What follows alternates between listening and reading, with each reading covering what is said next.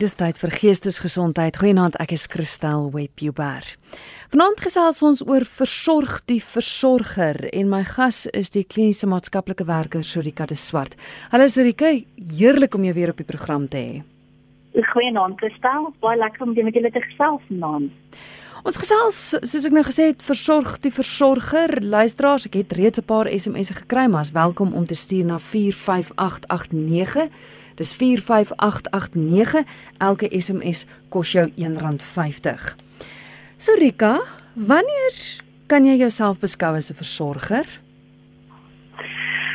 Ehm um, ja, ek dink die woord versorger tradisioneel beteken vir ons dis die ouer wat werk toe gaan en heeldag lang ure werk om om al die finansiële gaatjies te stop en dis maar dit is ook die ander ouer wat by die huis bly en sorg die klere gewas word en daai tipe van goed. So in breë trekke is ons almal op 'n manier seker versorgers ons versorg mense emosioneel of uh pastoraal fisies of finansiëel of wat ook al maar dink wanneer ons praat oor sorg vir die versorger dan gaan dit meer hieroor die die formele en die informele persone wat spesifiek sorg lewer omdat iemand anders uh daarvan afhanklik is of 'n baie spesifieke versorgingsbehoefte het En dit kan of fisies of emosioneel wees. Ek het vroeër 'n e-pos gekry van 'n luisteraar wat onder andere klink dit my of 'n geestelike leier of 'n predikant is of so wat ook gesê het dikwels, jy weet, word hulle ook gebombardeer met ander mense se probleme en hulle sal nie noodwendig aanklop vir hulp nie of hulle het nie die guts om dit te doen soos die persoon gesê het nie. So dit kan of fisies of emosioneel wees. Ja, nee, verseker. Ek dink die die die beginsel is dat maak nie saak of jy 'n professionele persoon is wat as dit as 'n beroep gekies het om om te werk met ander mense se behoeftes nie en of jy iemand is wat uit nood uit en uit liefde uit iemand versorg wat wat 'n of ander behoefte ontwikkel het nie die die die impak en die behoefte kan lê op fisiese vlak op uh, emosionele vlak op geestelike vlak. So die die behoeftes van die persoon wat jy versorg lê baie keer oor 'n hele spektrum en die die effek daarvan op die versorger lê dan ook op 'n hele spektrum. Nou, kom ons kyk gou-gou na die verskil tussen eh, professionele versorger en dan nou 'n informele een wat nou nie 'n noodwendige keuse dalk gehad het nie. Is daar 'n verskil? Daar is definitief 'n verskil in terme van hoe dit ontwikkel en en mens kan net so pedanties daaroor raak en die een is uitbranding en die ander is medelee, moegheid en so aan. Maar ek dink daar's daar's daar's twee baie belangrike goeders wat 'n mens moet dit onderskei nie. Die formele versorger is iemand wat daai loopbaan gekies het wat ingestel is op die versorging van ander persone. Dit is jy verpleegster en dokter en predikant, maatskaplike werker, sielkundige, paramedisy en so aan. En die dilemma is juist dat jy betaal word om dit te doen. So die verwagting is dat jy altyd gereed moet wees om te bedien en te versorg. Hmm. Mense is geneig om te dink dis dis besigheid vir jou en hulle besef nie altyd dat jy jy daai beroep gekies het of daai roeping aanvaar het as gevolg van jou vermoë tot omgee en empatie nie. So daai selfde vermoë tot omgee en empatie is ook die ding wat maak dat 'n mens soms ehm um, nie net observeer nie, maar absorbeer. So jy jy begin ander mense se trauma in jou aantrek en jy hulle sin van verantwoordelikheid, so jy begin jouself regtig uitprobeer te veel te doen vir te lank. Goed. Maar dis die informele persoon se probleem is amper al die teenoorgestelde in die sin dat ehm um, dit is iets wat jy nie kies noodwendig nie. Almal is nie natuurlike versorgers nie. Maar as jy het vereis dan doen mense dit met liefde en en met toewyding. Maar die probleem hier is aan hulle kant jy dat hulle nie betaal word nie. So as ek dit so kan stel is hulle dis hulle eie beroep in in baie gevalle en dan moet hulle ook die versorgingsroeping opneem. So dis die ouer wat na 'n gestremde kind kyk. Dis 'n kind wat na 'n verswakte bejaarde kyk. Dis 'n persoon wat na 'n lewensmaat omsien wat 'n uh, ernstige depressie leier is of of fisiese gesondheidsprobleme het. So jy gaan waarskynlik werk toe en jy kom huis toe en dan moet jy versorg of jy moet jou eie werk los sodat jy kan versorg. Hmm. So dit dit dit bring almal die ou nou op dieselfde plek uit as hulle nie na hulle self omsien en dit is uitbranding en en medelee en moegheid. Goed. Gaan by SMS lees. My suster is 73 jaar oud. Sy het 3 maande gelede haar man met motor motorneuron siekte aan die dood afgestaan. Sy is nou gediagnoseer met klierkanker en het geweldige pyn. Sy gaan nou chemoterapie ontvang. Ek woon in Johannesburg en sy in Nelspruit in 'n aftreeoord. Daar is 'n versorger wat ehm um, in haar vermoëns um, kan omsien en haar versorg, maar haar seun het my hulp gevra om haar by te staan. Ek het vandag ingestem om dit te gaan doen, maar dit gaan my baie ontstel om die volgende 8 maande haar lyding te aanskou. Ek voel skuldig na haar verlies en nou haar lyding, maar ek sien vreeslik op daarna. Hmm, dis dis dis ongelooflik die effek wat dit op mens het wanneer jy 'n formele versorger is, nê, nee, want dis dis gewoonlik iets wat jy doen met ongelooflike liefde en omgee, maar ook uit 'n gevoel van verantwoordelikheid. So wanneer jy voel dat jy nie daai verantwoordelikheid kan nakom nie, dan voel mens baie keer ook asof mens nie lief genoeg is nie. Mm. Of mense kan dink jy gee nie genoeg om nie. Maar kon dan die luisteraar sê, dis ons is net nie almal so bedraad nie. Ons kan nie almal natuurlike versorgers wees nie dit gaan sit ons kry mense wat meer empaties is as ander. Ehm um, wat wat meer getraumatiseer word deur dit wat hulle sien. En vir sulke persone is dit werklik baie moeilik om volhoubaar te versorg vir dit vir 'n lang tydperk. Mm, mm. Wat lei tot uitbranding of dan nou deernis of of medelee moegheid? Ek ek wil dit twee net gou van mekaar onderskei nie omdat dit regtig ehm um, so belangrik is in maar dit is belangrik in terme van hoe dit behandel word op die einde. So medelee moegheid is iets wat eintlik half mens redelik vinnig kan tref. En dit is as jy as jy omstandighede redelik vinnig verander of redelik drasties verander. En ek dink ons het almal in 'n mate 'n bietjie van 'n medelee moegheid of 'n deernis moegheid beleef in die COVID tyd. So mense het net ehm um, baie skielik baie groot veranderinge gehad en nou moet jy jou ekwilibrium of jou energie moet jy nou aanpas by hierdie nuwe by hierdie nuwe omstandighede. Hmm. So gebeur dit as iemand ehm um, vir wie jy lief is nou byvoorbeeld siek word en jy moet skielik hulle versorg of wat ook wat ook al daai situasie is.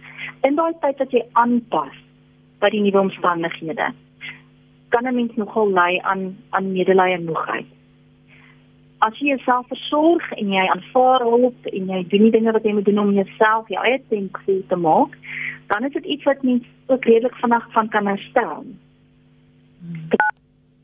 Hier 'n langtermyn ding, dis iets wat mens meer vind wanneer jy in 'n beroep is en dit baie maal te doen met uh, te lank te veel sonder erkenning, sonder ondersteuning, sonder rus. Ehm um, en en ons vind dit nogal regtig onder persone wat in in die gesondheidsveld en die sosiale sielkundige veld werk. Dat dit regtig iets is wat wat kan gebeur en dit sluit op mense op. En mens kan nie altyd daarvan heeltemal herstel nie, dis die tragedie daarvan. Hmm. Want dit sluit dat die aard van die saak moontlike gevare in. Ja.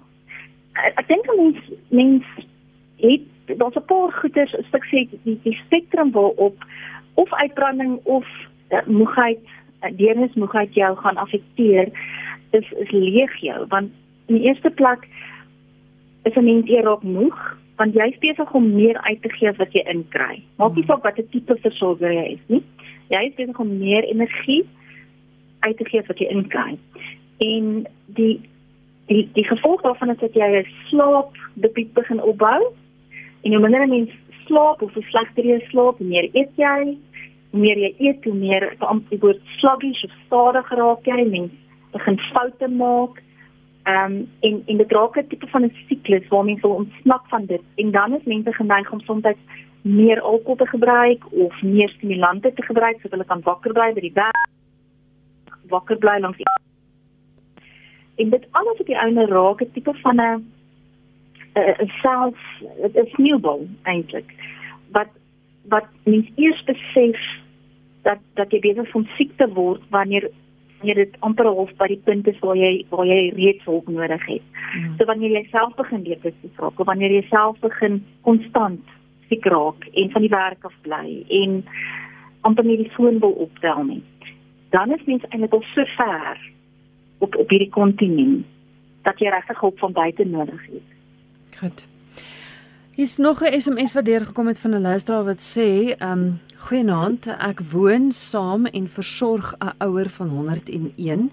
Ek is self in my 70's. Uh dit is 'n uh, gebonde en uitsiglose bestaan. Dit is asof 'n mens die ou ouderdom twee keer ervaar.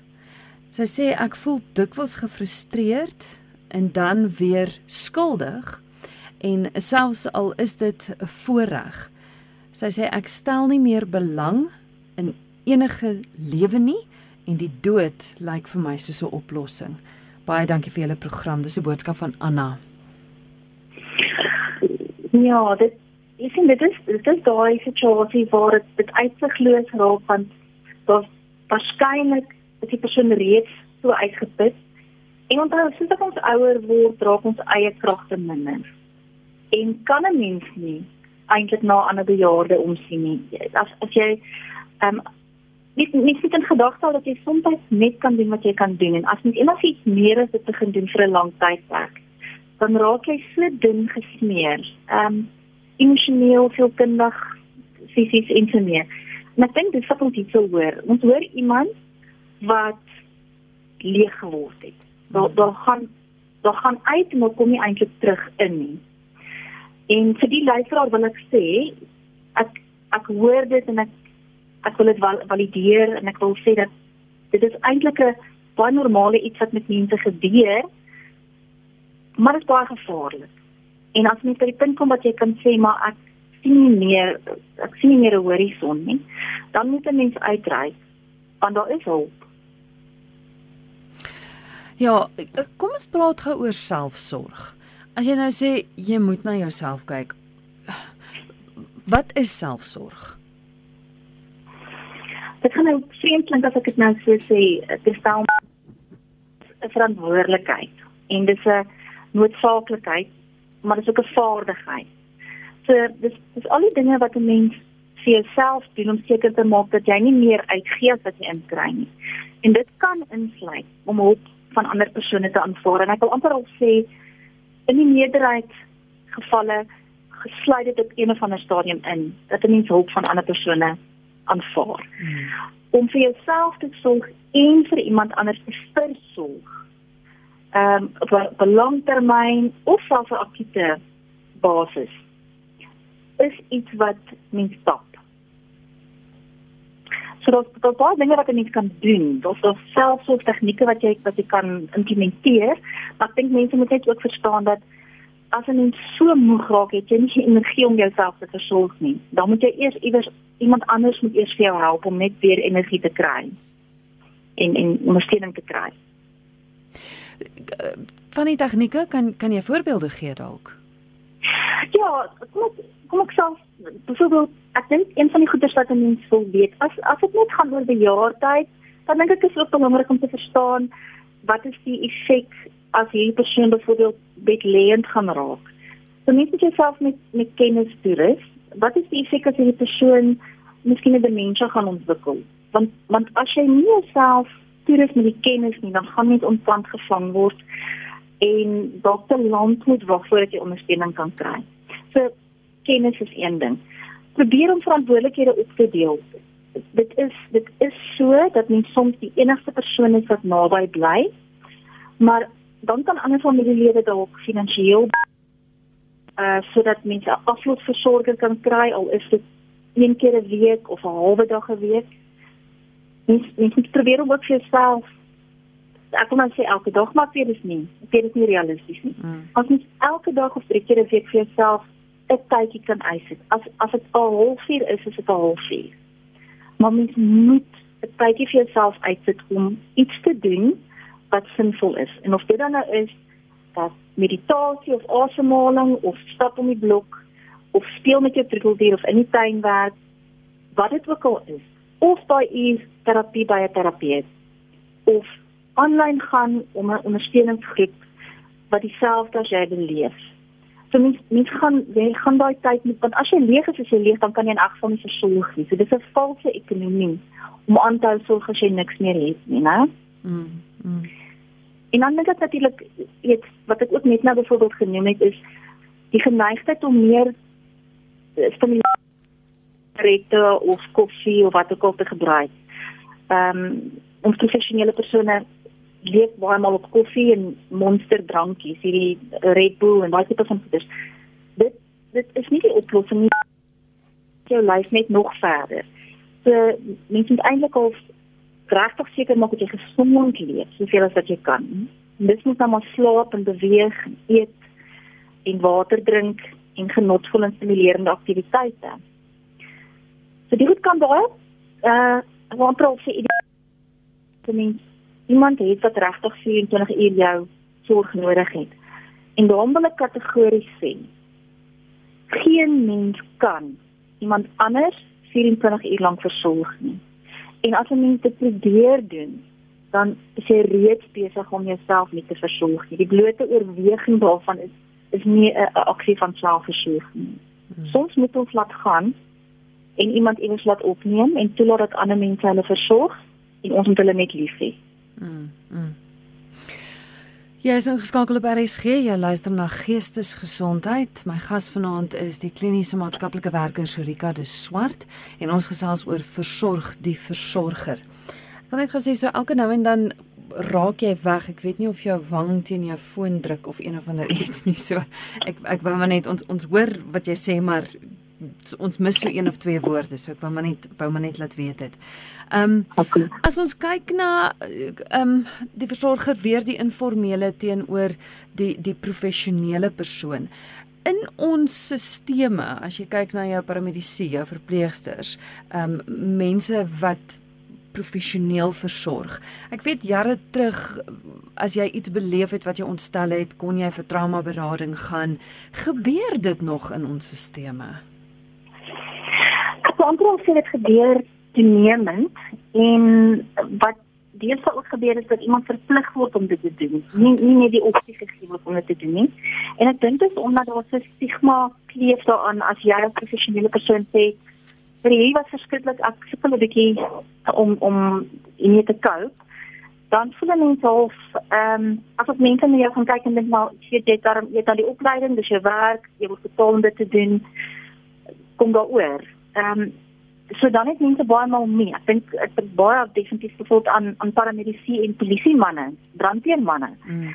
wat vir alles wat mans is en ek wil nie stereotipeer nie maar vir alles wat mans is is daar 'n ding van ek moet mans genoeg wees om hierdie werk vir my te doen en dan het hulle net doodeenvoudig nie opgevolg op die aanbod om te gaan vir 'n ontlonting nie. Deesdae word mense verplig om te gaan. Al gaan sit jy dan 'n uur by die ehm um, praktisyn jou jou werk gee vir jou daai geleentheid. Mm. mm.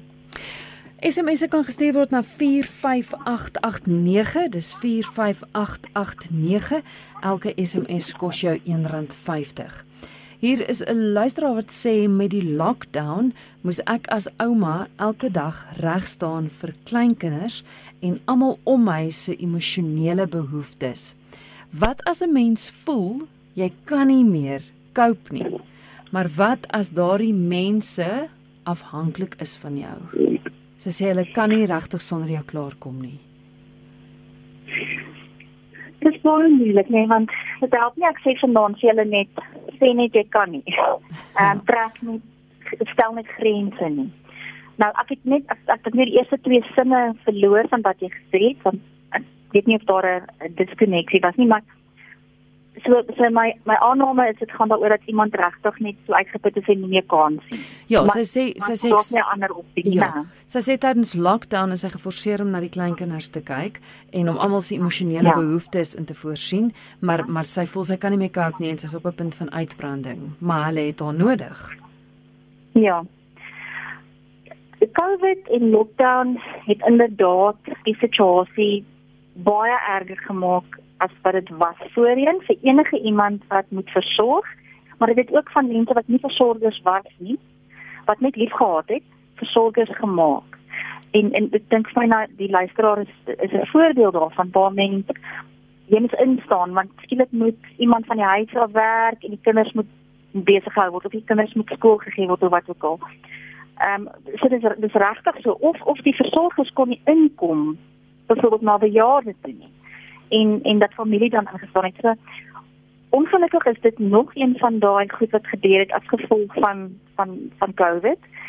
En boonop die feit dat 'n mens dan versorg sit jy met jou eie angs en jou eie onsekerheid en jou eie wêreld wat totaal verander en jy's afgesny van van ondersteuningsstelsels. So die realiteit is presies dit wat die persoon sê daar's baie mense wat nie meer kan sien vir verskillende redes. Mm. Wat ek kan sê is ryk dan ten minste uit aanlyn daar daar sit terapeute oral gereed ons ons verwag 'n geestesgesondheid tsunami.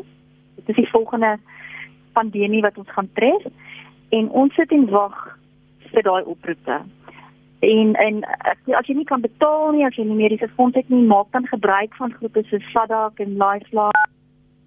Want want mense is gerad en gereed om hierdie oproepe te ontvang. Ons besef mense is totaal oorspoel. Mm. So as jy nie kan uit jou situasie uitkom nie, trek dan net iemand in wat jou kan help met met kort oplossings, ehm um, vinnige tegnieke en so meer.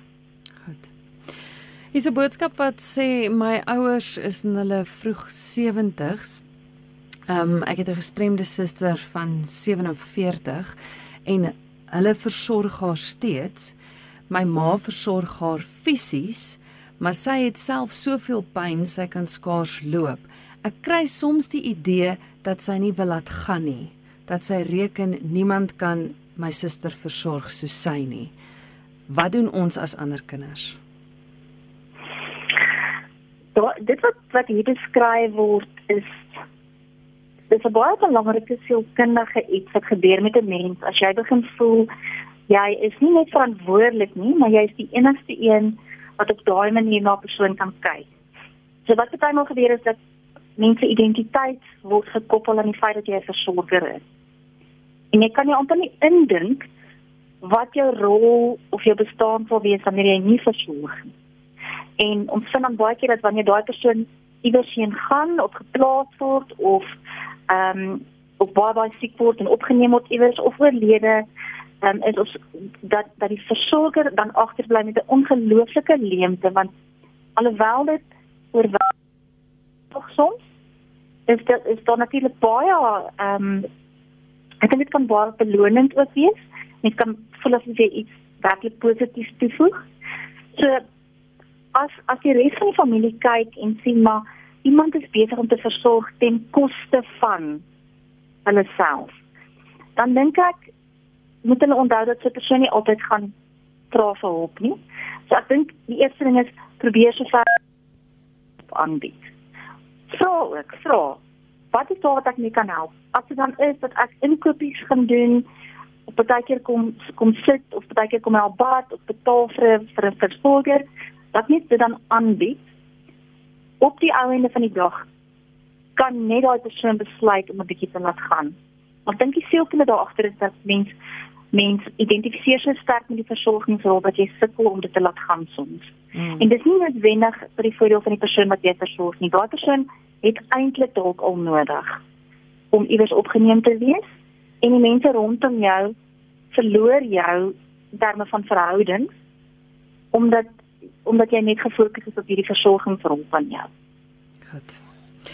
Wat kan die groter gemeenskap doen om te help? Ehm um, want ek weet dikwels is dit ook nie mense wat noodwendig praat oor hulle uitdagings en en vir hulp vra nie, maar kan die gemeenskap 'n rol speel? Ek dink ek dink mense het nou nogal gesien vir al in die daar is regtig baie mense met met harte van goud en met hande wat oop is en wat wil help en wat wil gee. Hulle gaan nie weet wat mens nodig het as mens nie sê nie. So die eerste ding is ek dink net die versorgers moet begin bereid wees om te sê ek sit ek kan nie. So dit mens net kan idees genereer van hoe hulle gehelp kan word. Want want hulp gaan anders lyk vir elkeen, maar die algemene tipe goeders is as jy weet iemand versorg iemand, vra hulle dit regtig met hulle gaan.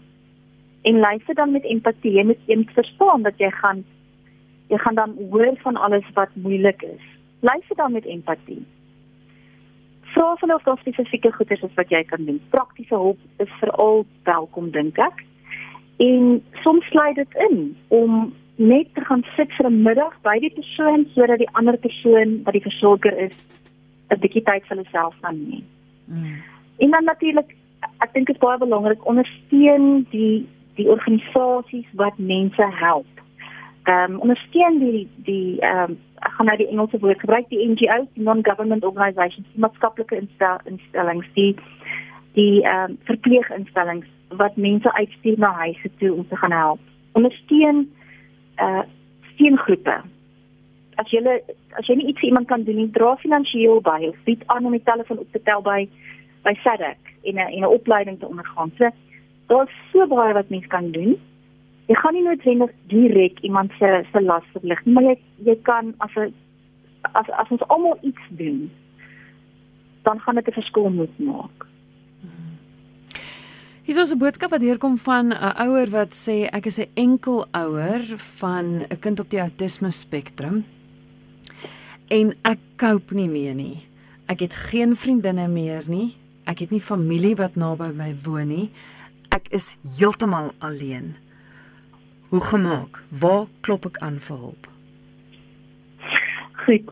En ek dink dis daai gedeelte waar as so 'n persoon uitreik en sê ek sukkel nou, dan kom jy hulle in kontak bring met mense wat nommer 1 dieselfde tipe van probleme al beleef het en op maniere daardeur gekom het want ek dink dit help nogal baie maar as ek as 'n terapeut nou net sê ek dink jy moet 'n bietjie asemhaal of jy moet 'n bietjie grounding doen dan gaan die persoon vir my sê jy het dan nie 'n idee waarvan jy praat nie. Weet jy hoe dit is om om na 'n kind te kyk met autisme?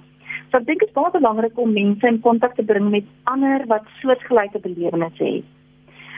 Dis die een ding. Die die tweede ding is vir elke kondisie. Ehm um, spesifiek ook vir autisme en Asperger. Vir elke kondisie is daar ondersteuningsgroepe.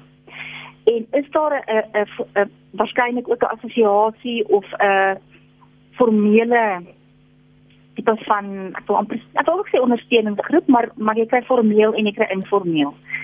So mens sal byvoorbeeld die autisme assosiasie van Suid-Afrika kan kontak en hoor wat wat het julle wat kan help? Hoe kan julle help? En dit was partymal is dis al selfhelp goeders, partykeer is daar groepe wat aangebied word. Partykeer is dit net ehm um, partykeer stuur hulle mense uit wat besoeke doen, party van hulle het netwerke wat pro bono tipe van 'n uh, arbeidsterapie of 'n dokter of 'n terapeut wat wat besoek. So daar is daar's regtig baie hulp daar buite. Dis om die persoon en hulp by mekaar uit te kry wat bytelmal die groot probleem is. So ek wil vir die persoon byvoorbeeld sê kontak my asseblief môre en dan dan stuur ek vir jou hulpbronne wat spesifiek vir die kondisie van jou kind, maar dan ook vir die ouer, die versorger. Ehm um, sal sal verligting bring op een of ander vlak ten minste. Is 'n luisteraar wat sê ek staan voor 'n keuse. Ek het nodig om te werk om geld te kry Maar ek het ook nodig om 'n ouer te versorg. Maar as ek nie werk nie, het ons geen inkomste nie. My geld is egter nie genoeg om hulp te kry om my ouer te versorg nie. Catch 22. Ja. Ek dink dis daai wat ek gesê het aan die begin van jou jou informele versorgers wat 'n groot probleem het onder andere dat hulle nie betaal word nie. So so die persoon het eintlik twee beroepe of 'n roeping en 'n beroep. En mens kan nie dit alles ingepas kry nie. Die, die eerste ding wat ek sou sê is ek weet nie of jy jou eie besigheid het nie, die luisteraar of of jy werk vir 'n vir 'n vir 'n besigheid nie, maar gelukkig meeste besighede deesdae het het een of ander vorme van ehm um, hulle noem dit employee assistance program of 'n of 'n gesondheidsprogram of 'n geestesgesondheidsprogram, wat ook al. Hulle hulle noem dit nou maar verskillende goed, maar die meeste van hierdie plekke het iemand wat jy kan nader en gaan waarskynlik jou jou HR persoon wees om te sê hierdie is die, die probleme wat ek op die oomblik beleef. Is daar 'n manier wat die werk buigsaam kan wees? Is daar 'n manier wat ek ekstra werk kan doen om verhoging kry sodat ek kan geld gee dalk dalk is daar 'n 'n vorm van ehm um, SAFA toelaag wat mens kan vir aan te doen afhangende van wat die wat die die, die, die ouers se situasie is. So dit dit is net belangrik om uit te reik want iemand gaan jou iewers heen kan verwys. Nou ek ek gaan nie vir julle jok nie. Ons land se se bronne is, is te min vir die behoefte wat daar is. Mm. So dit dit besef ek ook. Ek, ek wil nie 'n illusie skep dat dit dit maklik gaan wees nie, maar ek dink reik net uit na die werkgewer of iemand betroubaar by jou werk. Want daar is baie maal goed in plek wat mense nie van weet nie wat tot jou beskikking tot jou beskikking gestel kan word. Mm. Ek wil ons is byna aan die einde van vanaand se program. Jy kan nog steeds SMS'e stuur na 45889. Dis 45889. Elke SMS kos jou R1.50. Maar ek wil gou praat oor die oor die positiewe belegging want ja, dit is moeilik om die versorger te wees, maar dikwels Ek meen mense sê mos altyd uh, uh, vir alles jy nou 'n professionele versorger is, is jy jy's 'n gebore verpleegster of 'n 'n gebore versorger. Daar is tog beloning in dit wat mens doen. Is daar nie?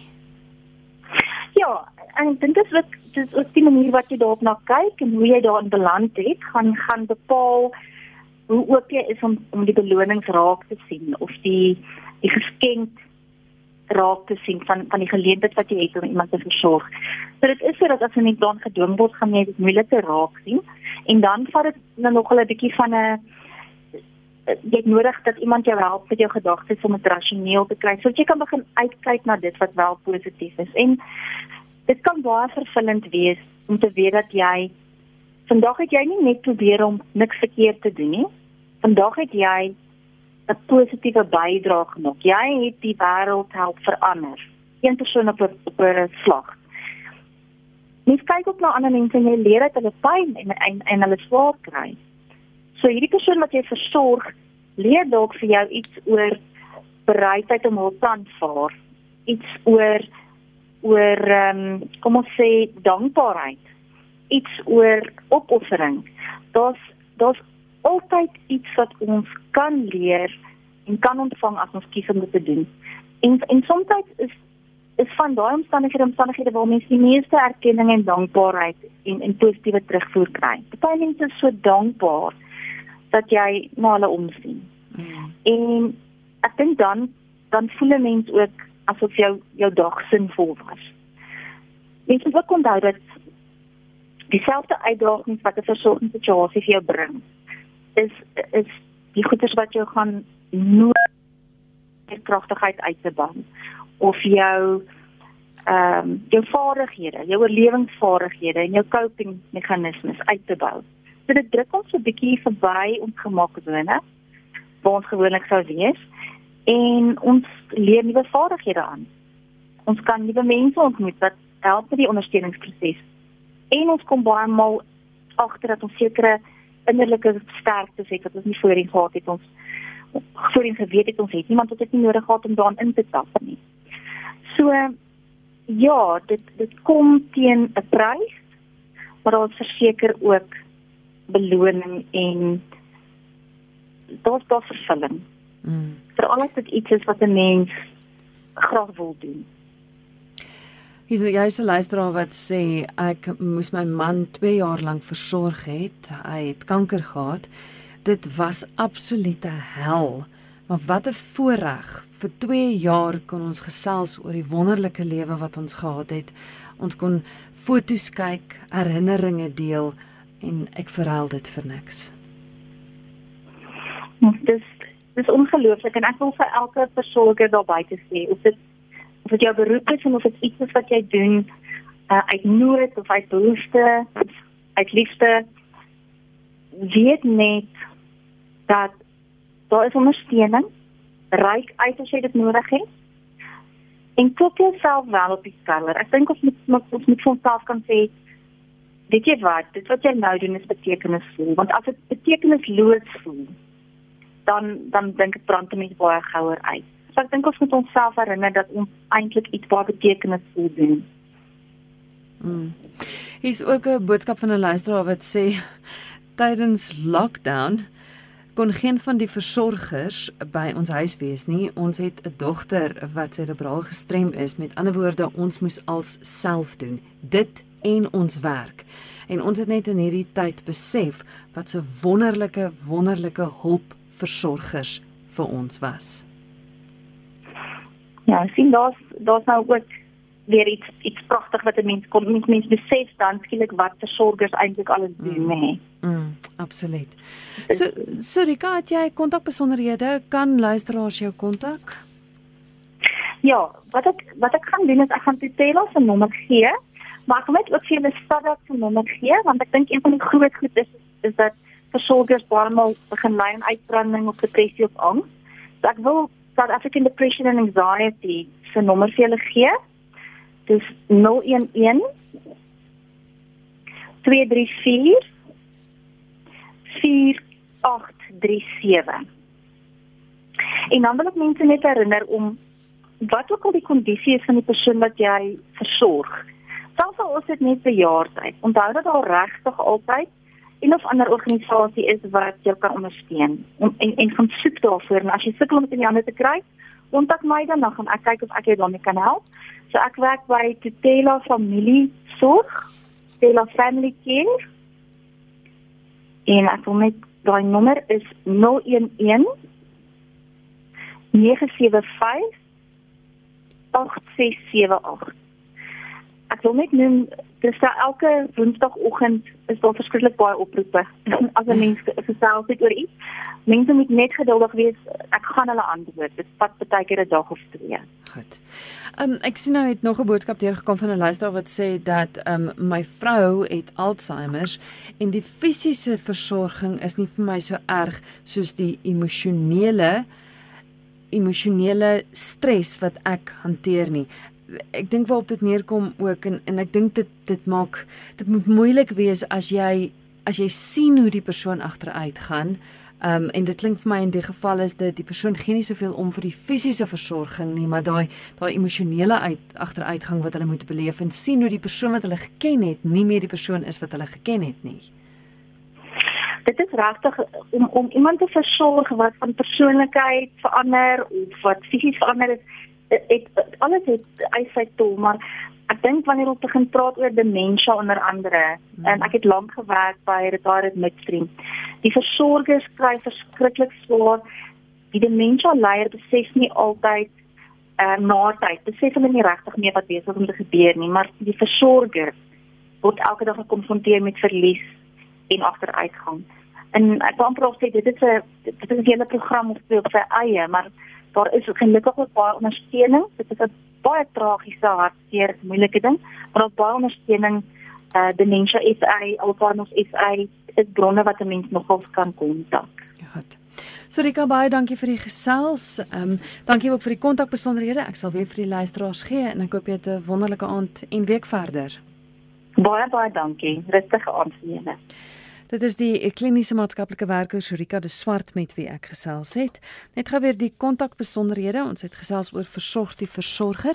Sy het Sadak se nommer vir ons gegee en hulle is by 011 234 4837. En dan Shurika werk self by Tutela en hulle is by 011 975 8678. Dis 975 8678. As jy dalk nie nou die nommers kon neerskryf nie, is welkom om ook vir my 'n e e-pos te stuur. Ek is by kristel@rsg.co.za. kristel@rsg.co.za. Is nou iemand wat vra wat is die suicide help nommer? In ons land. Maar ek is seker jy kan Sadak daarvoor ook skakel. So ek gee gou weer dis 011 234 4837 want hulle is mos vir depressie en angs. So 011 234 4837. Onthou net daar is altyd hulp.